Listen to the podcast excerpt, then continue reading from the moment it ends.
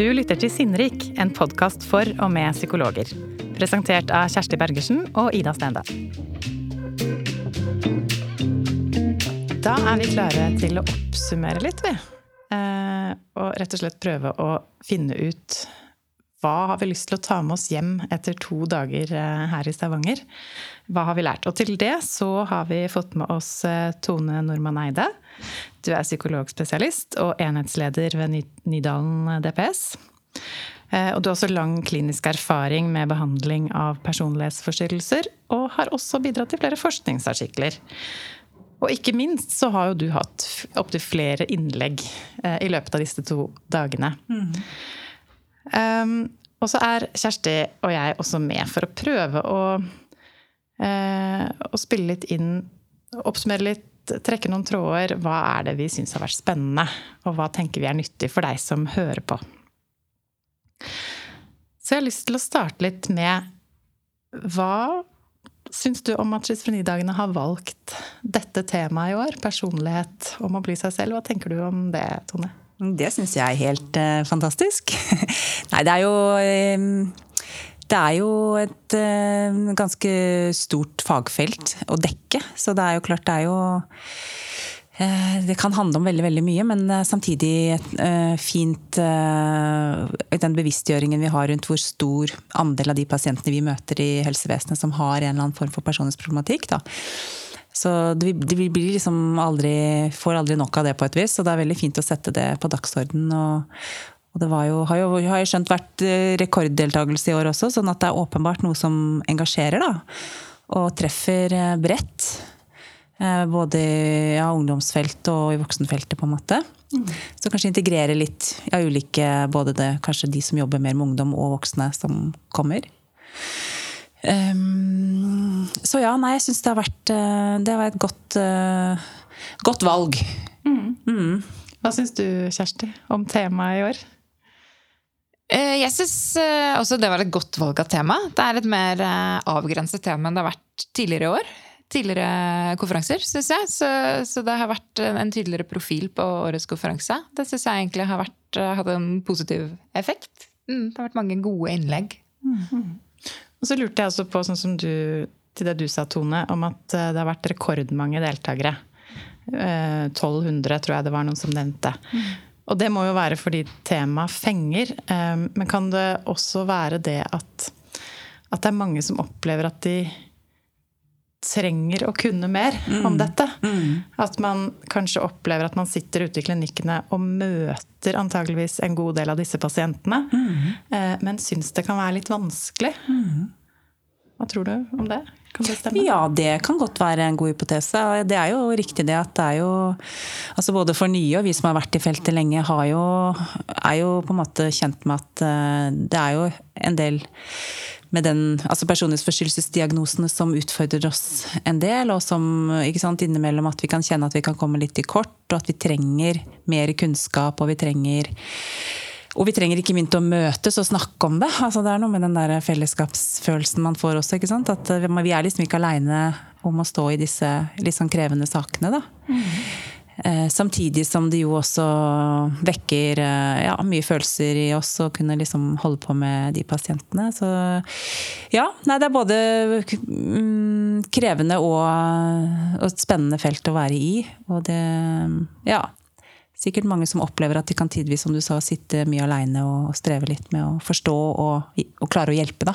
Mm. Vi har jo eh, en episode om en Sinnrik-episode om engstelig unnvikende personlighetsforstyrrelse. Mm. Og det er jo interessant å se at det er jo den episoden vi har som flest har lyttet til. Mm. Det er åpenbart et tema hvor folk vil ha mer kunnskap. da. Mm. Er litt tørste på ja. Å få lære mer.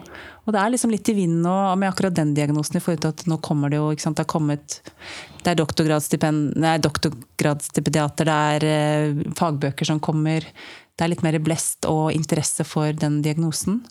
Um, og mer også her jeg opplever at, sant, at man prøver å gjøre det litt sånn erfaringsnært også. Da. At uh, mange som liksom kan sitte og kjenne seg igjen i de eksemplene som brukes, og at man liksom kjenner at åh oh, ja, dette er en sånn person som jeg type jeg kan kjenne igjen, og fint å få noen litt små verktøy på hvordan jeg kanskje kan møte dette, eller tåle det, eller stå i det sammen med pasientene. Da. Så, ja, så det med unnvikende har vært kanskje en av de tingene som har vært en del fokus på i dag, i hvert fall.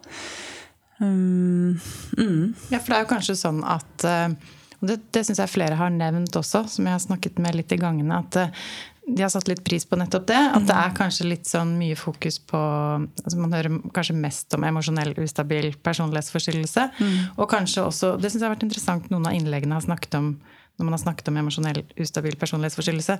At vi kanskje også egentlig har et ganske smalt bilde av den gruppen også. Mm. At det egentlig er en ganske stor uh, og mangfoldig uh, gruppe. Mm. Uh, og at kanskje vi har en tendens til å tenke mest på de mer sånn veldig sånn utadrettede og de mer eksternaliserende ja, og dramatiserende. Ja, for det mm. snakket vi om at det, det er en ting vi har lært mm.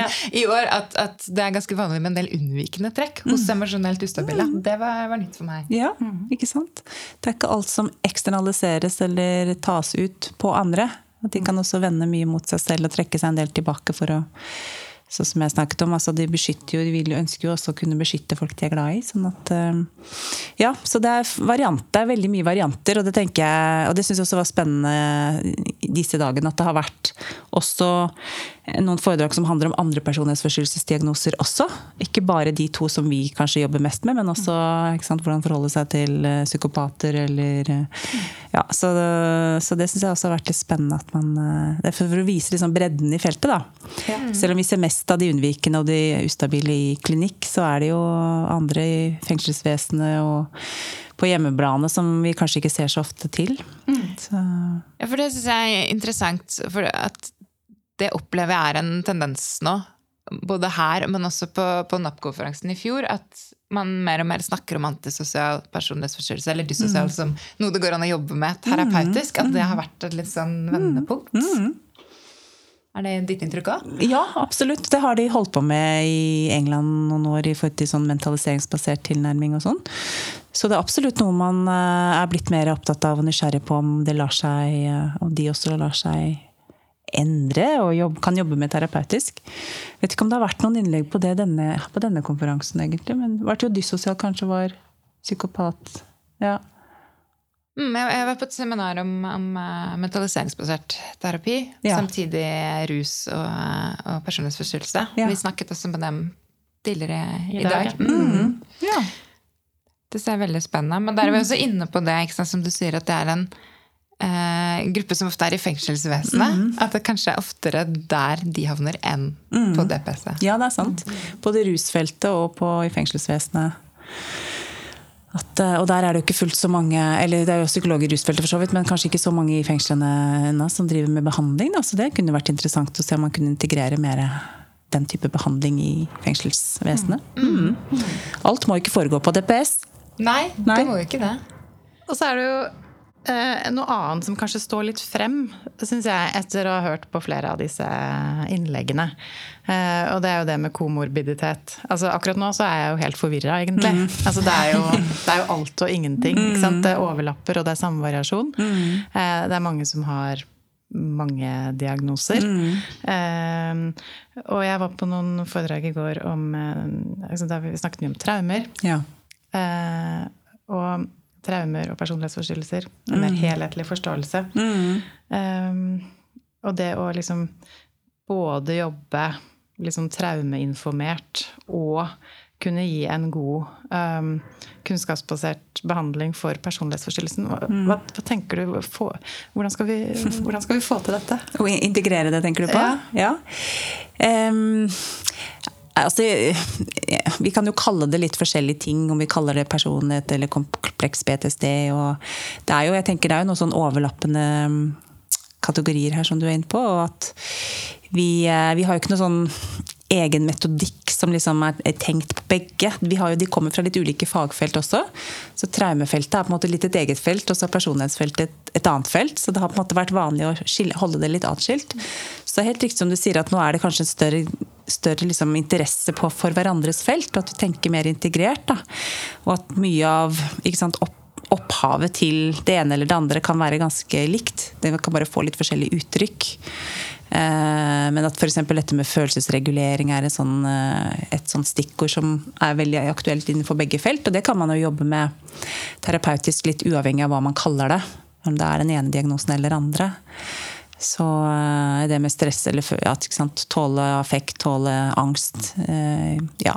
Så vi er jo er, Jeg tror det er mulig å liksom kunne jobbe med begge diagnoser, eller én person som har begge diagnoser samtidig. Men man må, man må, kanskje lage en veldig god behandlingsplan og være litt sånn enige om prosjektet. Altså kanskje Noen ganger må man gjøre én ting først og en annen ting etterpå.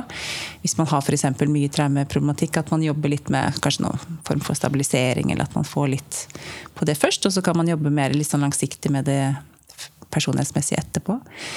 Men eh, ja, noen ganger kan man kanskje gjøre begge deler samtidig. Jeg har ikke noen oppskrift, men eh, mm.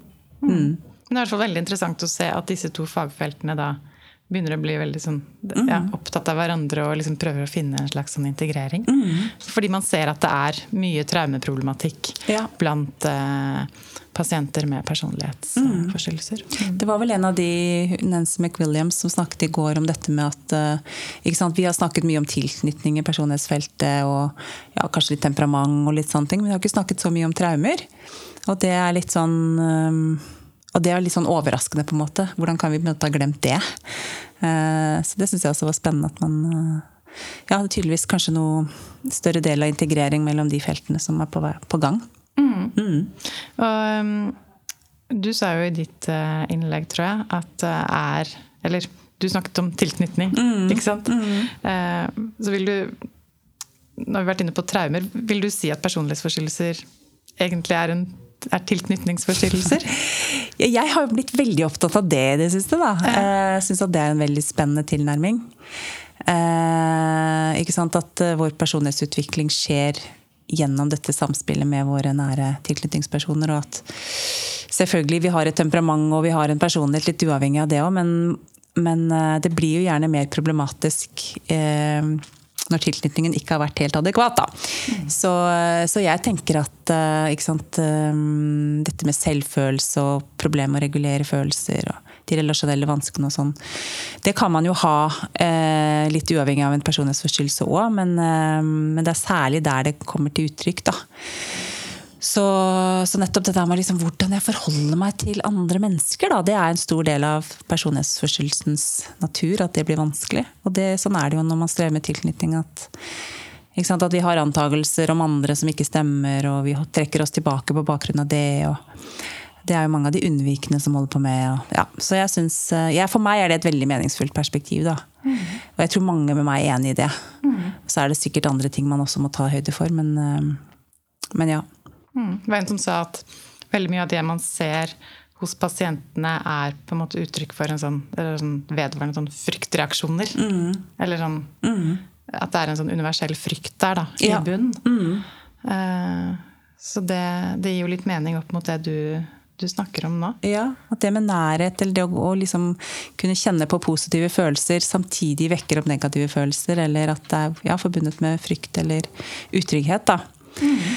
Um, og det gjelder jo personlighetsforstyrrelser, men det, det, gjelder jo også traumelister. Ikke sant? Ja, så der er det ja. også ganske mye paralleller, da. Ja. Mm. Mm. Jeg tror det var en Fiskerstrand i går som jeg var og hørte på, på et mm. miniseminar, som sa at som jeg noterte meg, for jeg syns det var så fint. Mm. Eh, at hun sa at i møte med pasienter med personlighetsforstyrrelser, så prøver jeg alltid å tenke hva er det du ikke har fått? Mm. Hva er det du ikke har lært? Mm. Hva er det du mangler? Mm. At det var liksom en veldig sånn, fin inngang til det. Mm, -hmm. Um, og i et sånn tilknytningsperspektiv så mm. Så må jo det være sånn, et fint utgangspunkt når du skal møte denne pasienten i terapi. Ja, for det er mye læring. Det sitter jeg litt igjen med. Det er det alle som har snakket om behandlingsformer, har liksom snakket om det. Det må øve seg på ulike ferdigheter, og, og du har modellæring i, i gruppe. Og mm.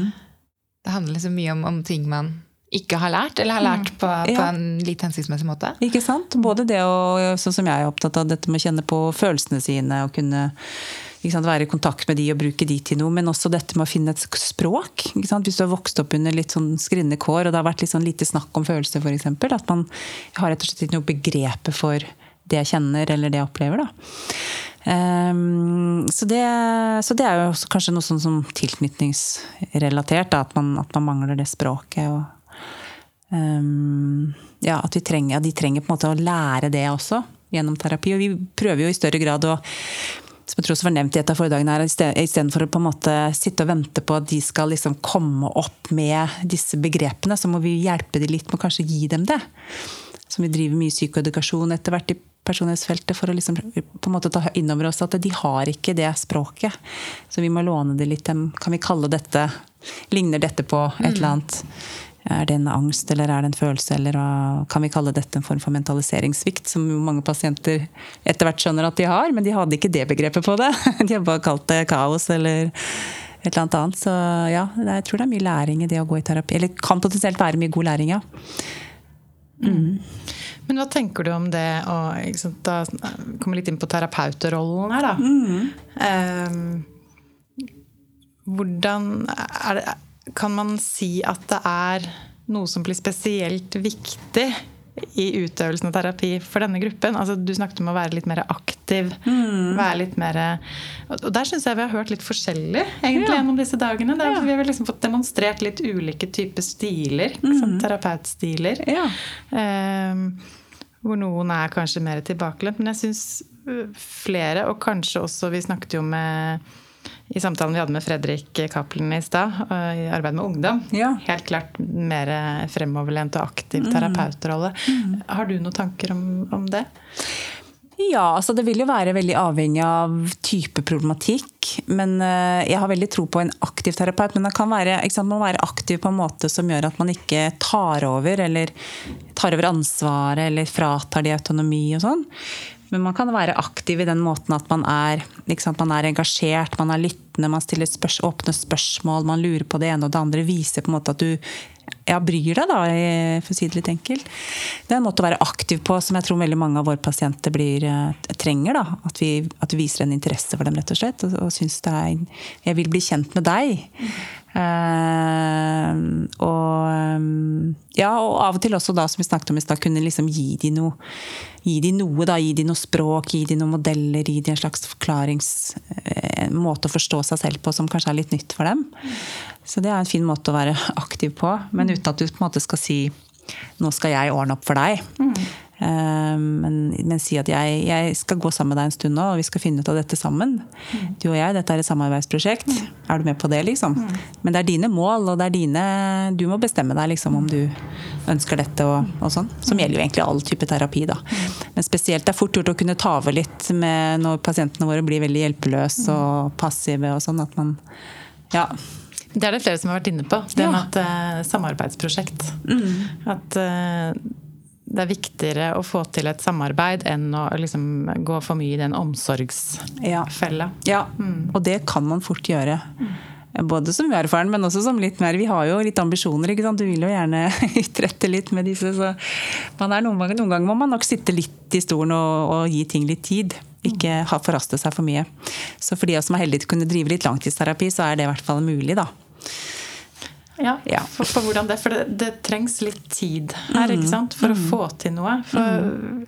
lyst til at vi skal komme litt inn på det. Hva, hva vet vi om eh, effekt av den eh, behandlingen vi har i dag? Ja. At, og, altså de behandlingsmetodene vi har, som mm. vi vet at uh, virker. Mm. Hva, hva, har vi, og, og har vi hva skal til for å få de til å fungere og til å være virksomme? Mm. Nei, det er, jo, det er, jo, veldig mye forskning på disse ulike modellene. Disse tre bokstavsmodellene vi har. Da, og alle, alle har effekt. Og, ja. eh, sånn at eh, ja, de fleste som går i terapi med en sånn, sånn type spesialisert modell, har effekt. Det liksom, ja. Men akkurat hva det er, eh, eller metoden til og med kan være litt forskjellig, og sånn, men noe av det som går igjen, er jo at man tilbyr eh, noen klare rammer. Tilbyr, altså man, man, blir enige om nettopp dette med mål, lager en plan klare liksom, eh, har, hva slags type avtale man har, hva terapien skal handle om. Man må på en måte bestemme seg litt for kanskje en tilnærming. da. Og så får man tenke at så lenge jeg tror på den tilnærmingen kan den godt, så funker det bra. Det kunne kanskje funka med en annen tilnærming òg, men det dette er liksom vårt Sånn gjør vi det her, på en måte.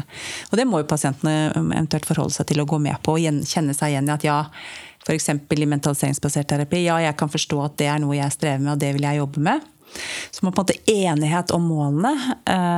og at man liksom har en Jeg tror det er nyttig også å kunne ha en sånn avgrensning i det. At vi, sånn som hos oss, at vi har Det er to år, liksom. Det er rammene.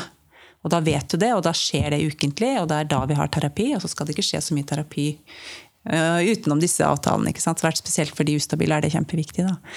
Og at vi er litt sånn altså at vi er, uh, kan være litt sånn ærlige og litt sånn transparente på hvordan vi tenker. At, vi, at, det, at vi liksom, de forstår litt hvordan f.eks. For jeg forstår uh, hva emosjonell ustabil problematikk handler om. og at de, at de gjennom det altså, kan være, ja, Da kan du være enig eller uenig, men det beste er at jeg er enig i at ja, ok, dette kjenner jeg meg igjen i. Og, sånn at vi har på en måte et sånt felles prosjekt eh, innenfor de rammene. Um, så tror jeg veldig mange da, Kanskje ikke metodikken spiller så stor uh, har så stor betydning, da. Mm.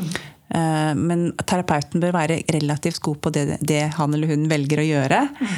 Og kunne bruke kollegaer og kunne få veiledning og sånn underveis. Det tror jeg også er viktig. Mm. Um, og så er det jo sånn da, at vi, vi, har også fått noen tall som vi har ja. notert oss. Okay. Og vi har jo sant, Det er flere som har nevnt dette med at det, det er ca. 10 mm. uh, av den norske befolkning som, som har, får en uh, personlighetsforstyrrelsesdiagnose. Mm. Uh, det er jo ganske høyt tall. Ja. og så har vi også hørt et innlegg fra en med pasienterfaring selv, som sa at det tok var det 25 år mm. før han fikk mm. diagnosen. Mm. 25 år i behandling. I behandling. Altså, ikke at han var 25, Nei. men det var aktivt. ja. Ja tok 25 år. år i behandlingsapparatet mm. før han fikk endt opp med en, en sånn type diagnose. Mm.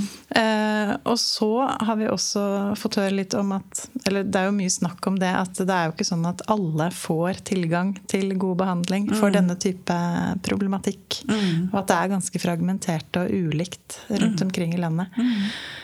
Um, hva tenker du om det? om, om, kan du løse det? Ja, det kan jeg gjerne gjøre. Nei, jeg er ikke, jeg er ikke politiker, altså jeg, men um, Nei, det er jo riktig det. At det er stor forskjell på sant, hvor, hvor, kompetansen sitter og hva slags briller man har på seg når man driver utredning f.eks. Man kan fort overse en del som du er inne på, at man, eh, mange som kan gå lenge i behandling uten å få diagnosen. 25 var jo veldig drøyt. da. Mm. Men tror, min erfaring er at eh, Men nå jobber jo jeg sant, på, i Oslo og, og med masse fagfolk som som har, liksom, er litt sånn obs på i utredningsøyemed å fange opp dette ganske tidlig. Så min erfaring er at der har det skjedd en bedring, da. Men, men, det er der. altså mm. Hvordan det er i resten av landet. Det kan mm. godt hende at fortsatt det er. Mm. Og at man har, ikke sant, at mange kan seile under et litt sånn feil flagg med bipolaritet eller andre ting som, eh, som, de kan også ha lenge uten at det blir oppdaget. Sånn at, mm. det er nok fortsatt, Vi henger nok litt etter. Symptomdiagnosen er nok fortsatt raskere å sette. Litt lettere å oppdage, kanskje. Mm. Um, men når de først da får diagnosen, så vil det jo også være uh, litt ulikt hva slags tilbud som er. Mm. Så det vil jo være Er man heldig og bor i en eller annen by med et godt behandlingstilbud, så Men det er jo ikke alle som gjør det, dessverre. Og da kan man jo også sant, tenke at hvor hensiktsmessig er det å sette en diagnose her hvis vi uansett ikke har noe hjelp å tilby. Mm. Kan man jo kanskje tenke. Mm. Det er lettere for oss å tilby deg en angstbehandling eller sånn. Og det kan jo godt hende de har det òg. Mm. Problemet er bare at uh, hvis du behandler symptomene bare, så, så, har de en tendens til å komme tilbake, for du tar på en måte ikke grunnlidelsen. da. Så det kan kanskje hjelpe litt, at de får noe verktøy og sånn, men, uh, men, de får kanskje ikke den behandlingen de egentlig hadde hatt behov for. da. Mm. Så det er jo problematisk, selvfølgelig. at vi, uh, Men sånn er det litt i Helse-Norge, at det er, ikke, det er ikke likt fordelt, mm. dessverre. Mm. Spesielt ikke for de med psykiske lidelser og personlighetsproblematikk. Så jeg har ikke noen god løsning på det, annet enn å bare holde den fanen litt høyt og minne om at uh, husk, vær klar over at uh, dette er kanskje en litt sånn underdiagnostisert gruppe mm. i mange steder. Og at man må, vi må rett og slett få spredd kompetansen godt utover i hele landet for at det skal kunne Og forhåpentligvis også kunne etablere nye tilbud, fordi man da oppdager at jøss, det er mange flere enn vi kanskje trodde. Mm. Mm. Har du noen løsning på dette, Kjersti? Jeg får bare be alle flytte til Oslo. Ja, ja, de store byene. Ja. Nei, det, det, er jo litt deprimerende at det skal være så store forskjeller. Mm. At noen kan gå også, så lenge uten å få riktig hjelp. Jeg vet, men så er jeg, tenker det er også viktig å si, sånn som med den han, en av erfaringskonsulenten mm. som var her i dag, som, som du refererte til nå Det er jo vanskelig. altså Noen ganger så er det ganske enkelt å se ok, her har vi en klar unnvik. Det bare skinner gjennom det øyeblikket pasienten kommer inn i rommet at her er det I hvert fall gjør det det for meg, da. Mm. At her er det antageligvis noe i den retning, og så sjekker man det ut, og så finner man ut av det. Men sånn som med han og med mange andre, så kan det være ganske kompliserte tilstander. Det fremstår jo som en depresjon, eller det fremstår jo som sant, svingninger. Og jeg skjønner at ikke det er så lett heller. Mm. Eh, og vi har, vi har, mye tvil fortsatt, vi òg, selv om vi setter en diagnose og tenker er dette, ikke sant? kan det være, er det noe ADHD der? Der? Er det, en, er det noe traumeproblematikk? Er det, er det, noe Asperger der? Altså, vi har jo det er vanskelig. Det er, de er, og mange kan jo ha flere eh, diagnoser samtidig. Så hva er hva? Men, men, jeg tenker man kan jo ta den statistikken litt til hjelp òg. Hvis mm. man vet at det er nesten 10% altså, Det er jo ganske sannsynlig at det er en Mm. personlighetsproblematikk som ligger til grunn i ja. veldig mange tilfeller. Det er jo nettopp det. Og, ja, som det ble sagt her, på, på DPS så regner man jo med at opptil 50 har en diagnose i den retning, men vi må huske at det er litt sånn mild, moderat, alvorlig grad. Mm, det er jo ikke mm. alle som er, det er jo ikke 10 med alvorlig PF. Neida, neida. Sånn at det er jo grader av det, men, men, men at de ikke blir oppdaget, da. Eh, så det er jo ja, så det med sant, diagnostisering, man kan jo mene mye om det, men akkurat med den pasientgruppa her, så er, er det nok ganske viktig å, å, finne ut av det. Så ikke de blir gående lenge, for lenge mm. og få ja, litt sånn ymse behandling på litt ulike ting. Og så er det jo én inngang til det å, å, begynne å tenke litt tidligere mm. på de Kanskje de første underliggende problemene og vanskene, da. Mm. Når vi har fått høre ganske mye i disse to dagene om barn og ungdom. Ja. Eh, og det å jobbe med kanskje den derre Uh, ustabiliteten, svingningene hos ungdommene, uh, regulering, følelser. Mm. Uh, så hvis man kommer inn litt tidlig der, mm. så kanskje man kan få gitt hjelp før det har blitt ordentlig alvorlig. Ja, det er, tror jeg også er et veldig godt poeng. At man kan bremse eller stoppe en skjevutvikling ved å komme inn tidlig. Mm. Fordi seg, Mye av personlighetsstrukturen setter seg jo slutten av tenårene begynnelsen av 20-årene. Mm. Så hvis man får, får liksom justert på noe allerede der, mm før de begynner med den alvorlige selvskadingen, eller før de begynner å bli selvdestruktive, eller prøve å stoppe det litt før det går for langt. Mm. Så mm. Men det er mange som veger seg mot å tenke personlighetsproblematikk mm. hos unge pasienter fremdeles? Ja, også, ja, også fordi man da tenker at sant, er dette bare en fase? Det er mm. mye følelsesmessige svingninger i den tida. Eller man har det kanskje litt vanskelig, så man trekker seg litt unna. Man, jeg skjønner at det er litt vanskelig å men det er klart det er jo graden av det, da. Mm. Eh, og hvor store konsekvenser det får for funksjon. Mm. Hvis de detter ut av skole, eller de havner i konflikt hele tiden, eller de begynner å ruse seg. Eller, altså, er et eller annet. Det er liksom flere indikatorer på at dette er ikke bare en sånn ungdomsgreie. Det er noe mer. Dette er et mm. tegn på at noe ikke funker. Så, så da må man kanskje um, Ja, og, og så er det jo sånn at ok, selv om du da du en, setter en personlighetsforstyrrelse, og det viser seg at pasienten blir frisk eller kommer seg etter to år, så er det jo ikke noe som er bedre enn det. Da har de kanskje fått god behandling for det, de mm, personlighetsproblemene mm, mm. de har. Da, og så er de kvitt det når det er 20. Det er jo mm. nydelig. Så kan man jo lure på er det, ja, var det riktig å sette den diagnosen. Men ja, det var kanskje det. For de hadde de kriteriene da. Mm, så klarte vi kanskje å snu det, da. Det er jo kjempefint. Mm. Så jeg tror ikke man skal være så redd. Det er den stig stigmabiten som gjør at man blir litt redde. Men vi som jobber i feltet, vi tenker at herlighet, det er det verdt. Liksom. Altså, på en måte, fordi du kan få hjelp. Mm. Ja. ja. Det er det viktigste. Mm. Jeg har lyst til at vi skal gå litt inn for landing, men jeg lurer på om jeg kunne utfordre deg litt, eh, Tone, sånn helt til slutt. Mm. Eh, for nå er det mange klinikere der ute som sitter og hører på oss. Og med din erfaring med, i arbeid med med personlighetsproblematikk.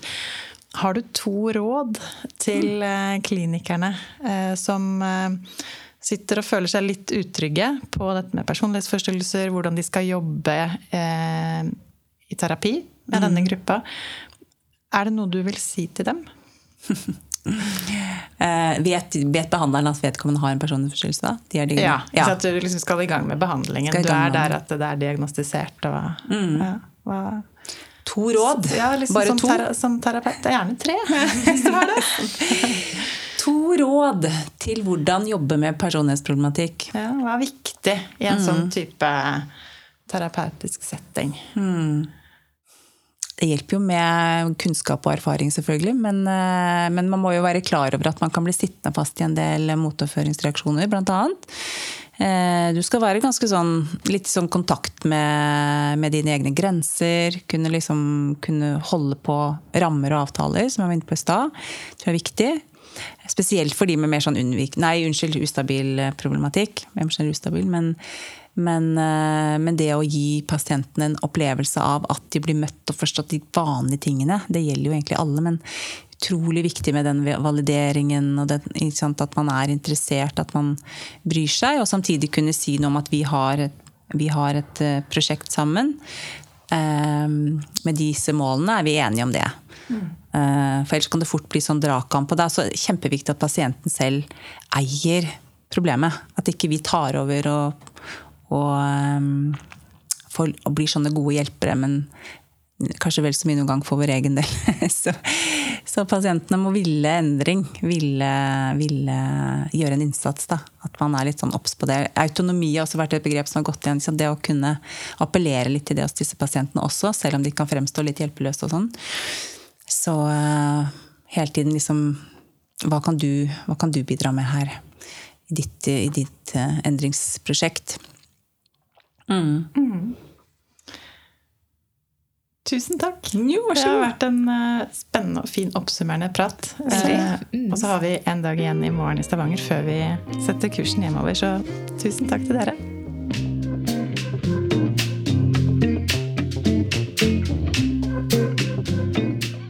Du har hørt en episode av Sinnrik, en podkast fra Gyllendal. Denne episoden tok vi opp i Stavanger Forum, og lyd har vært ved Videoassist. Produsent for episoden var Andrea Krüger, og jeg heter Ida Stendal. Hvis du vil få mer lesetips og informasjon om nye episoder, følg oss på Instagram, Sinnrik podkast. Takk for at du hørte på.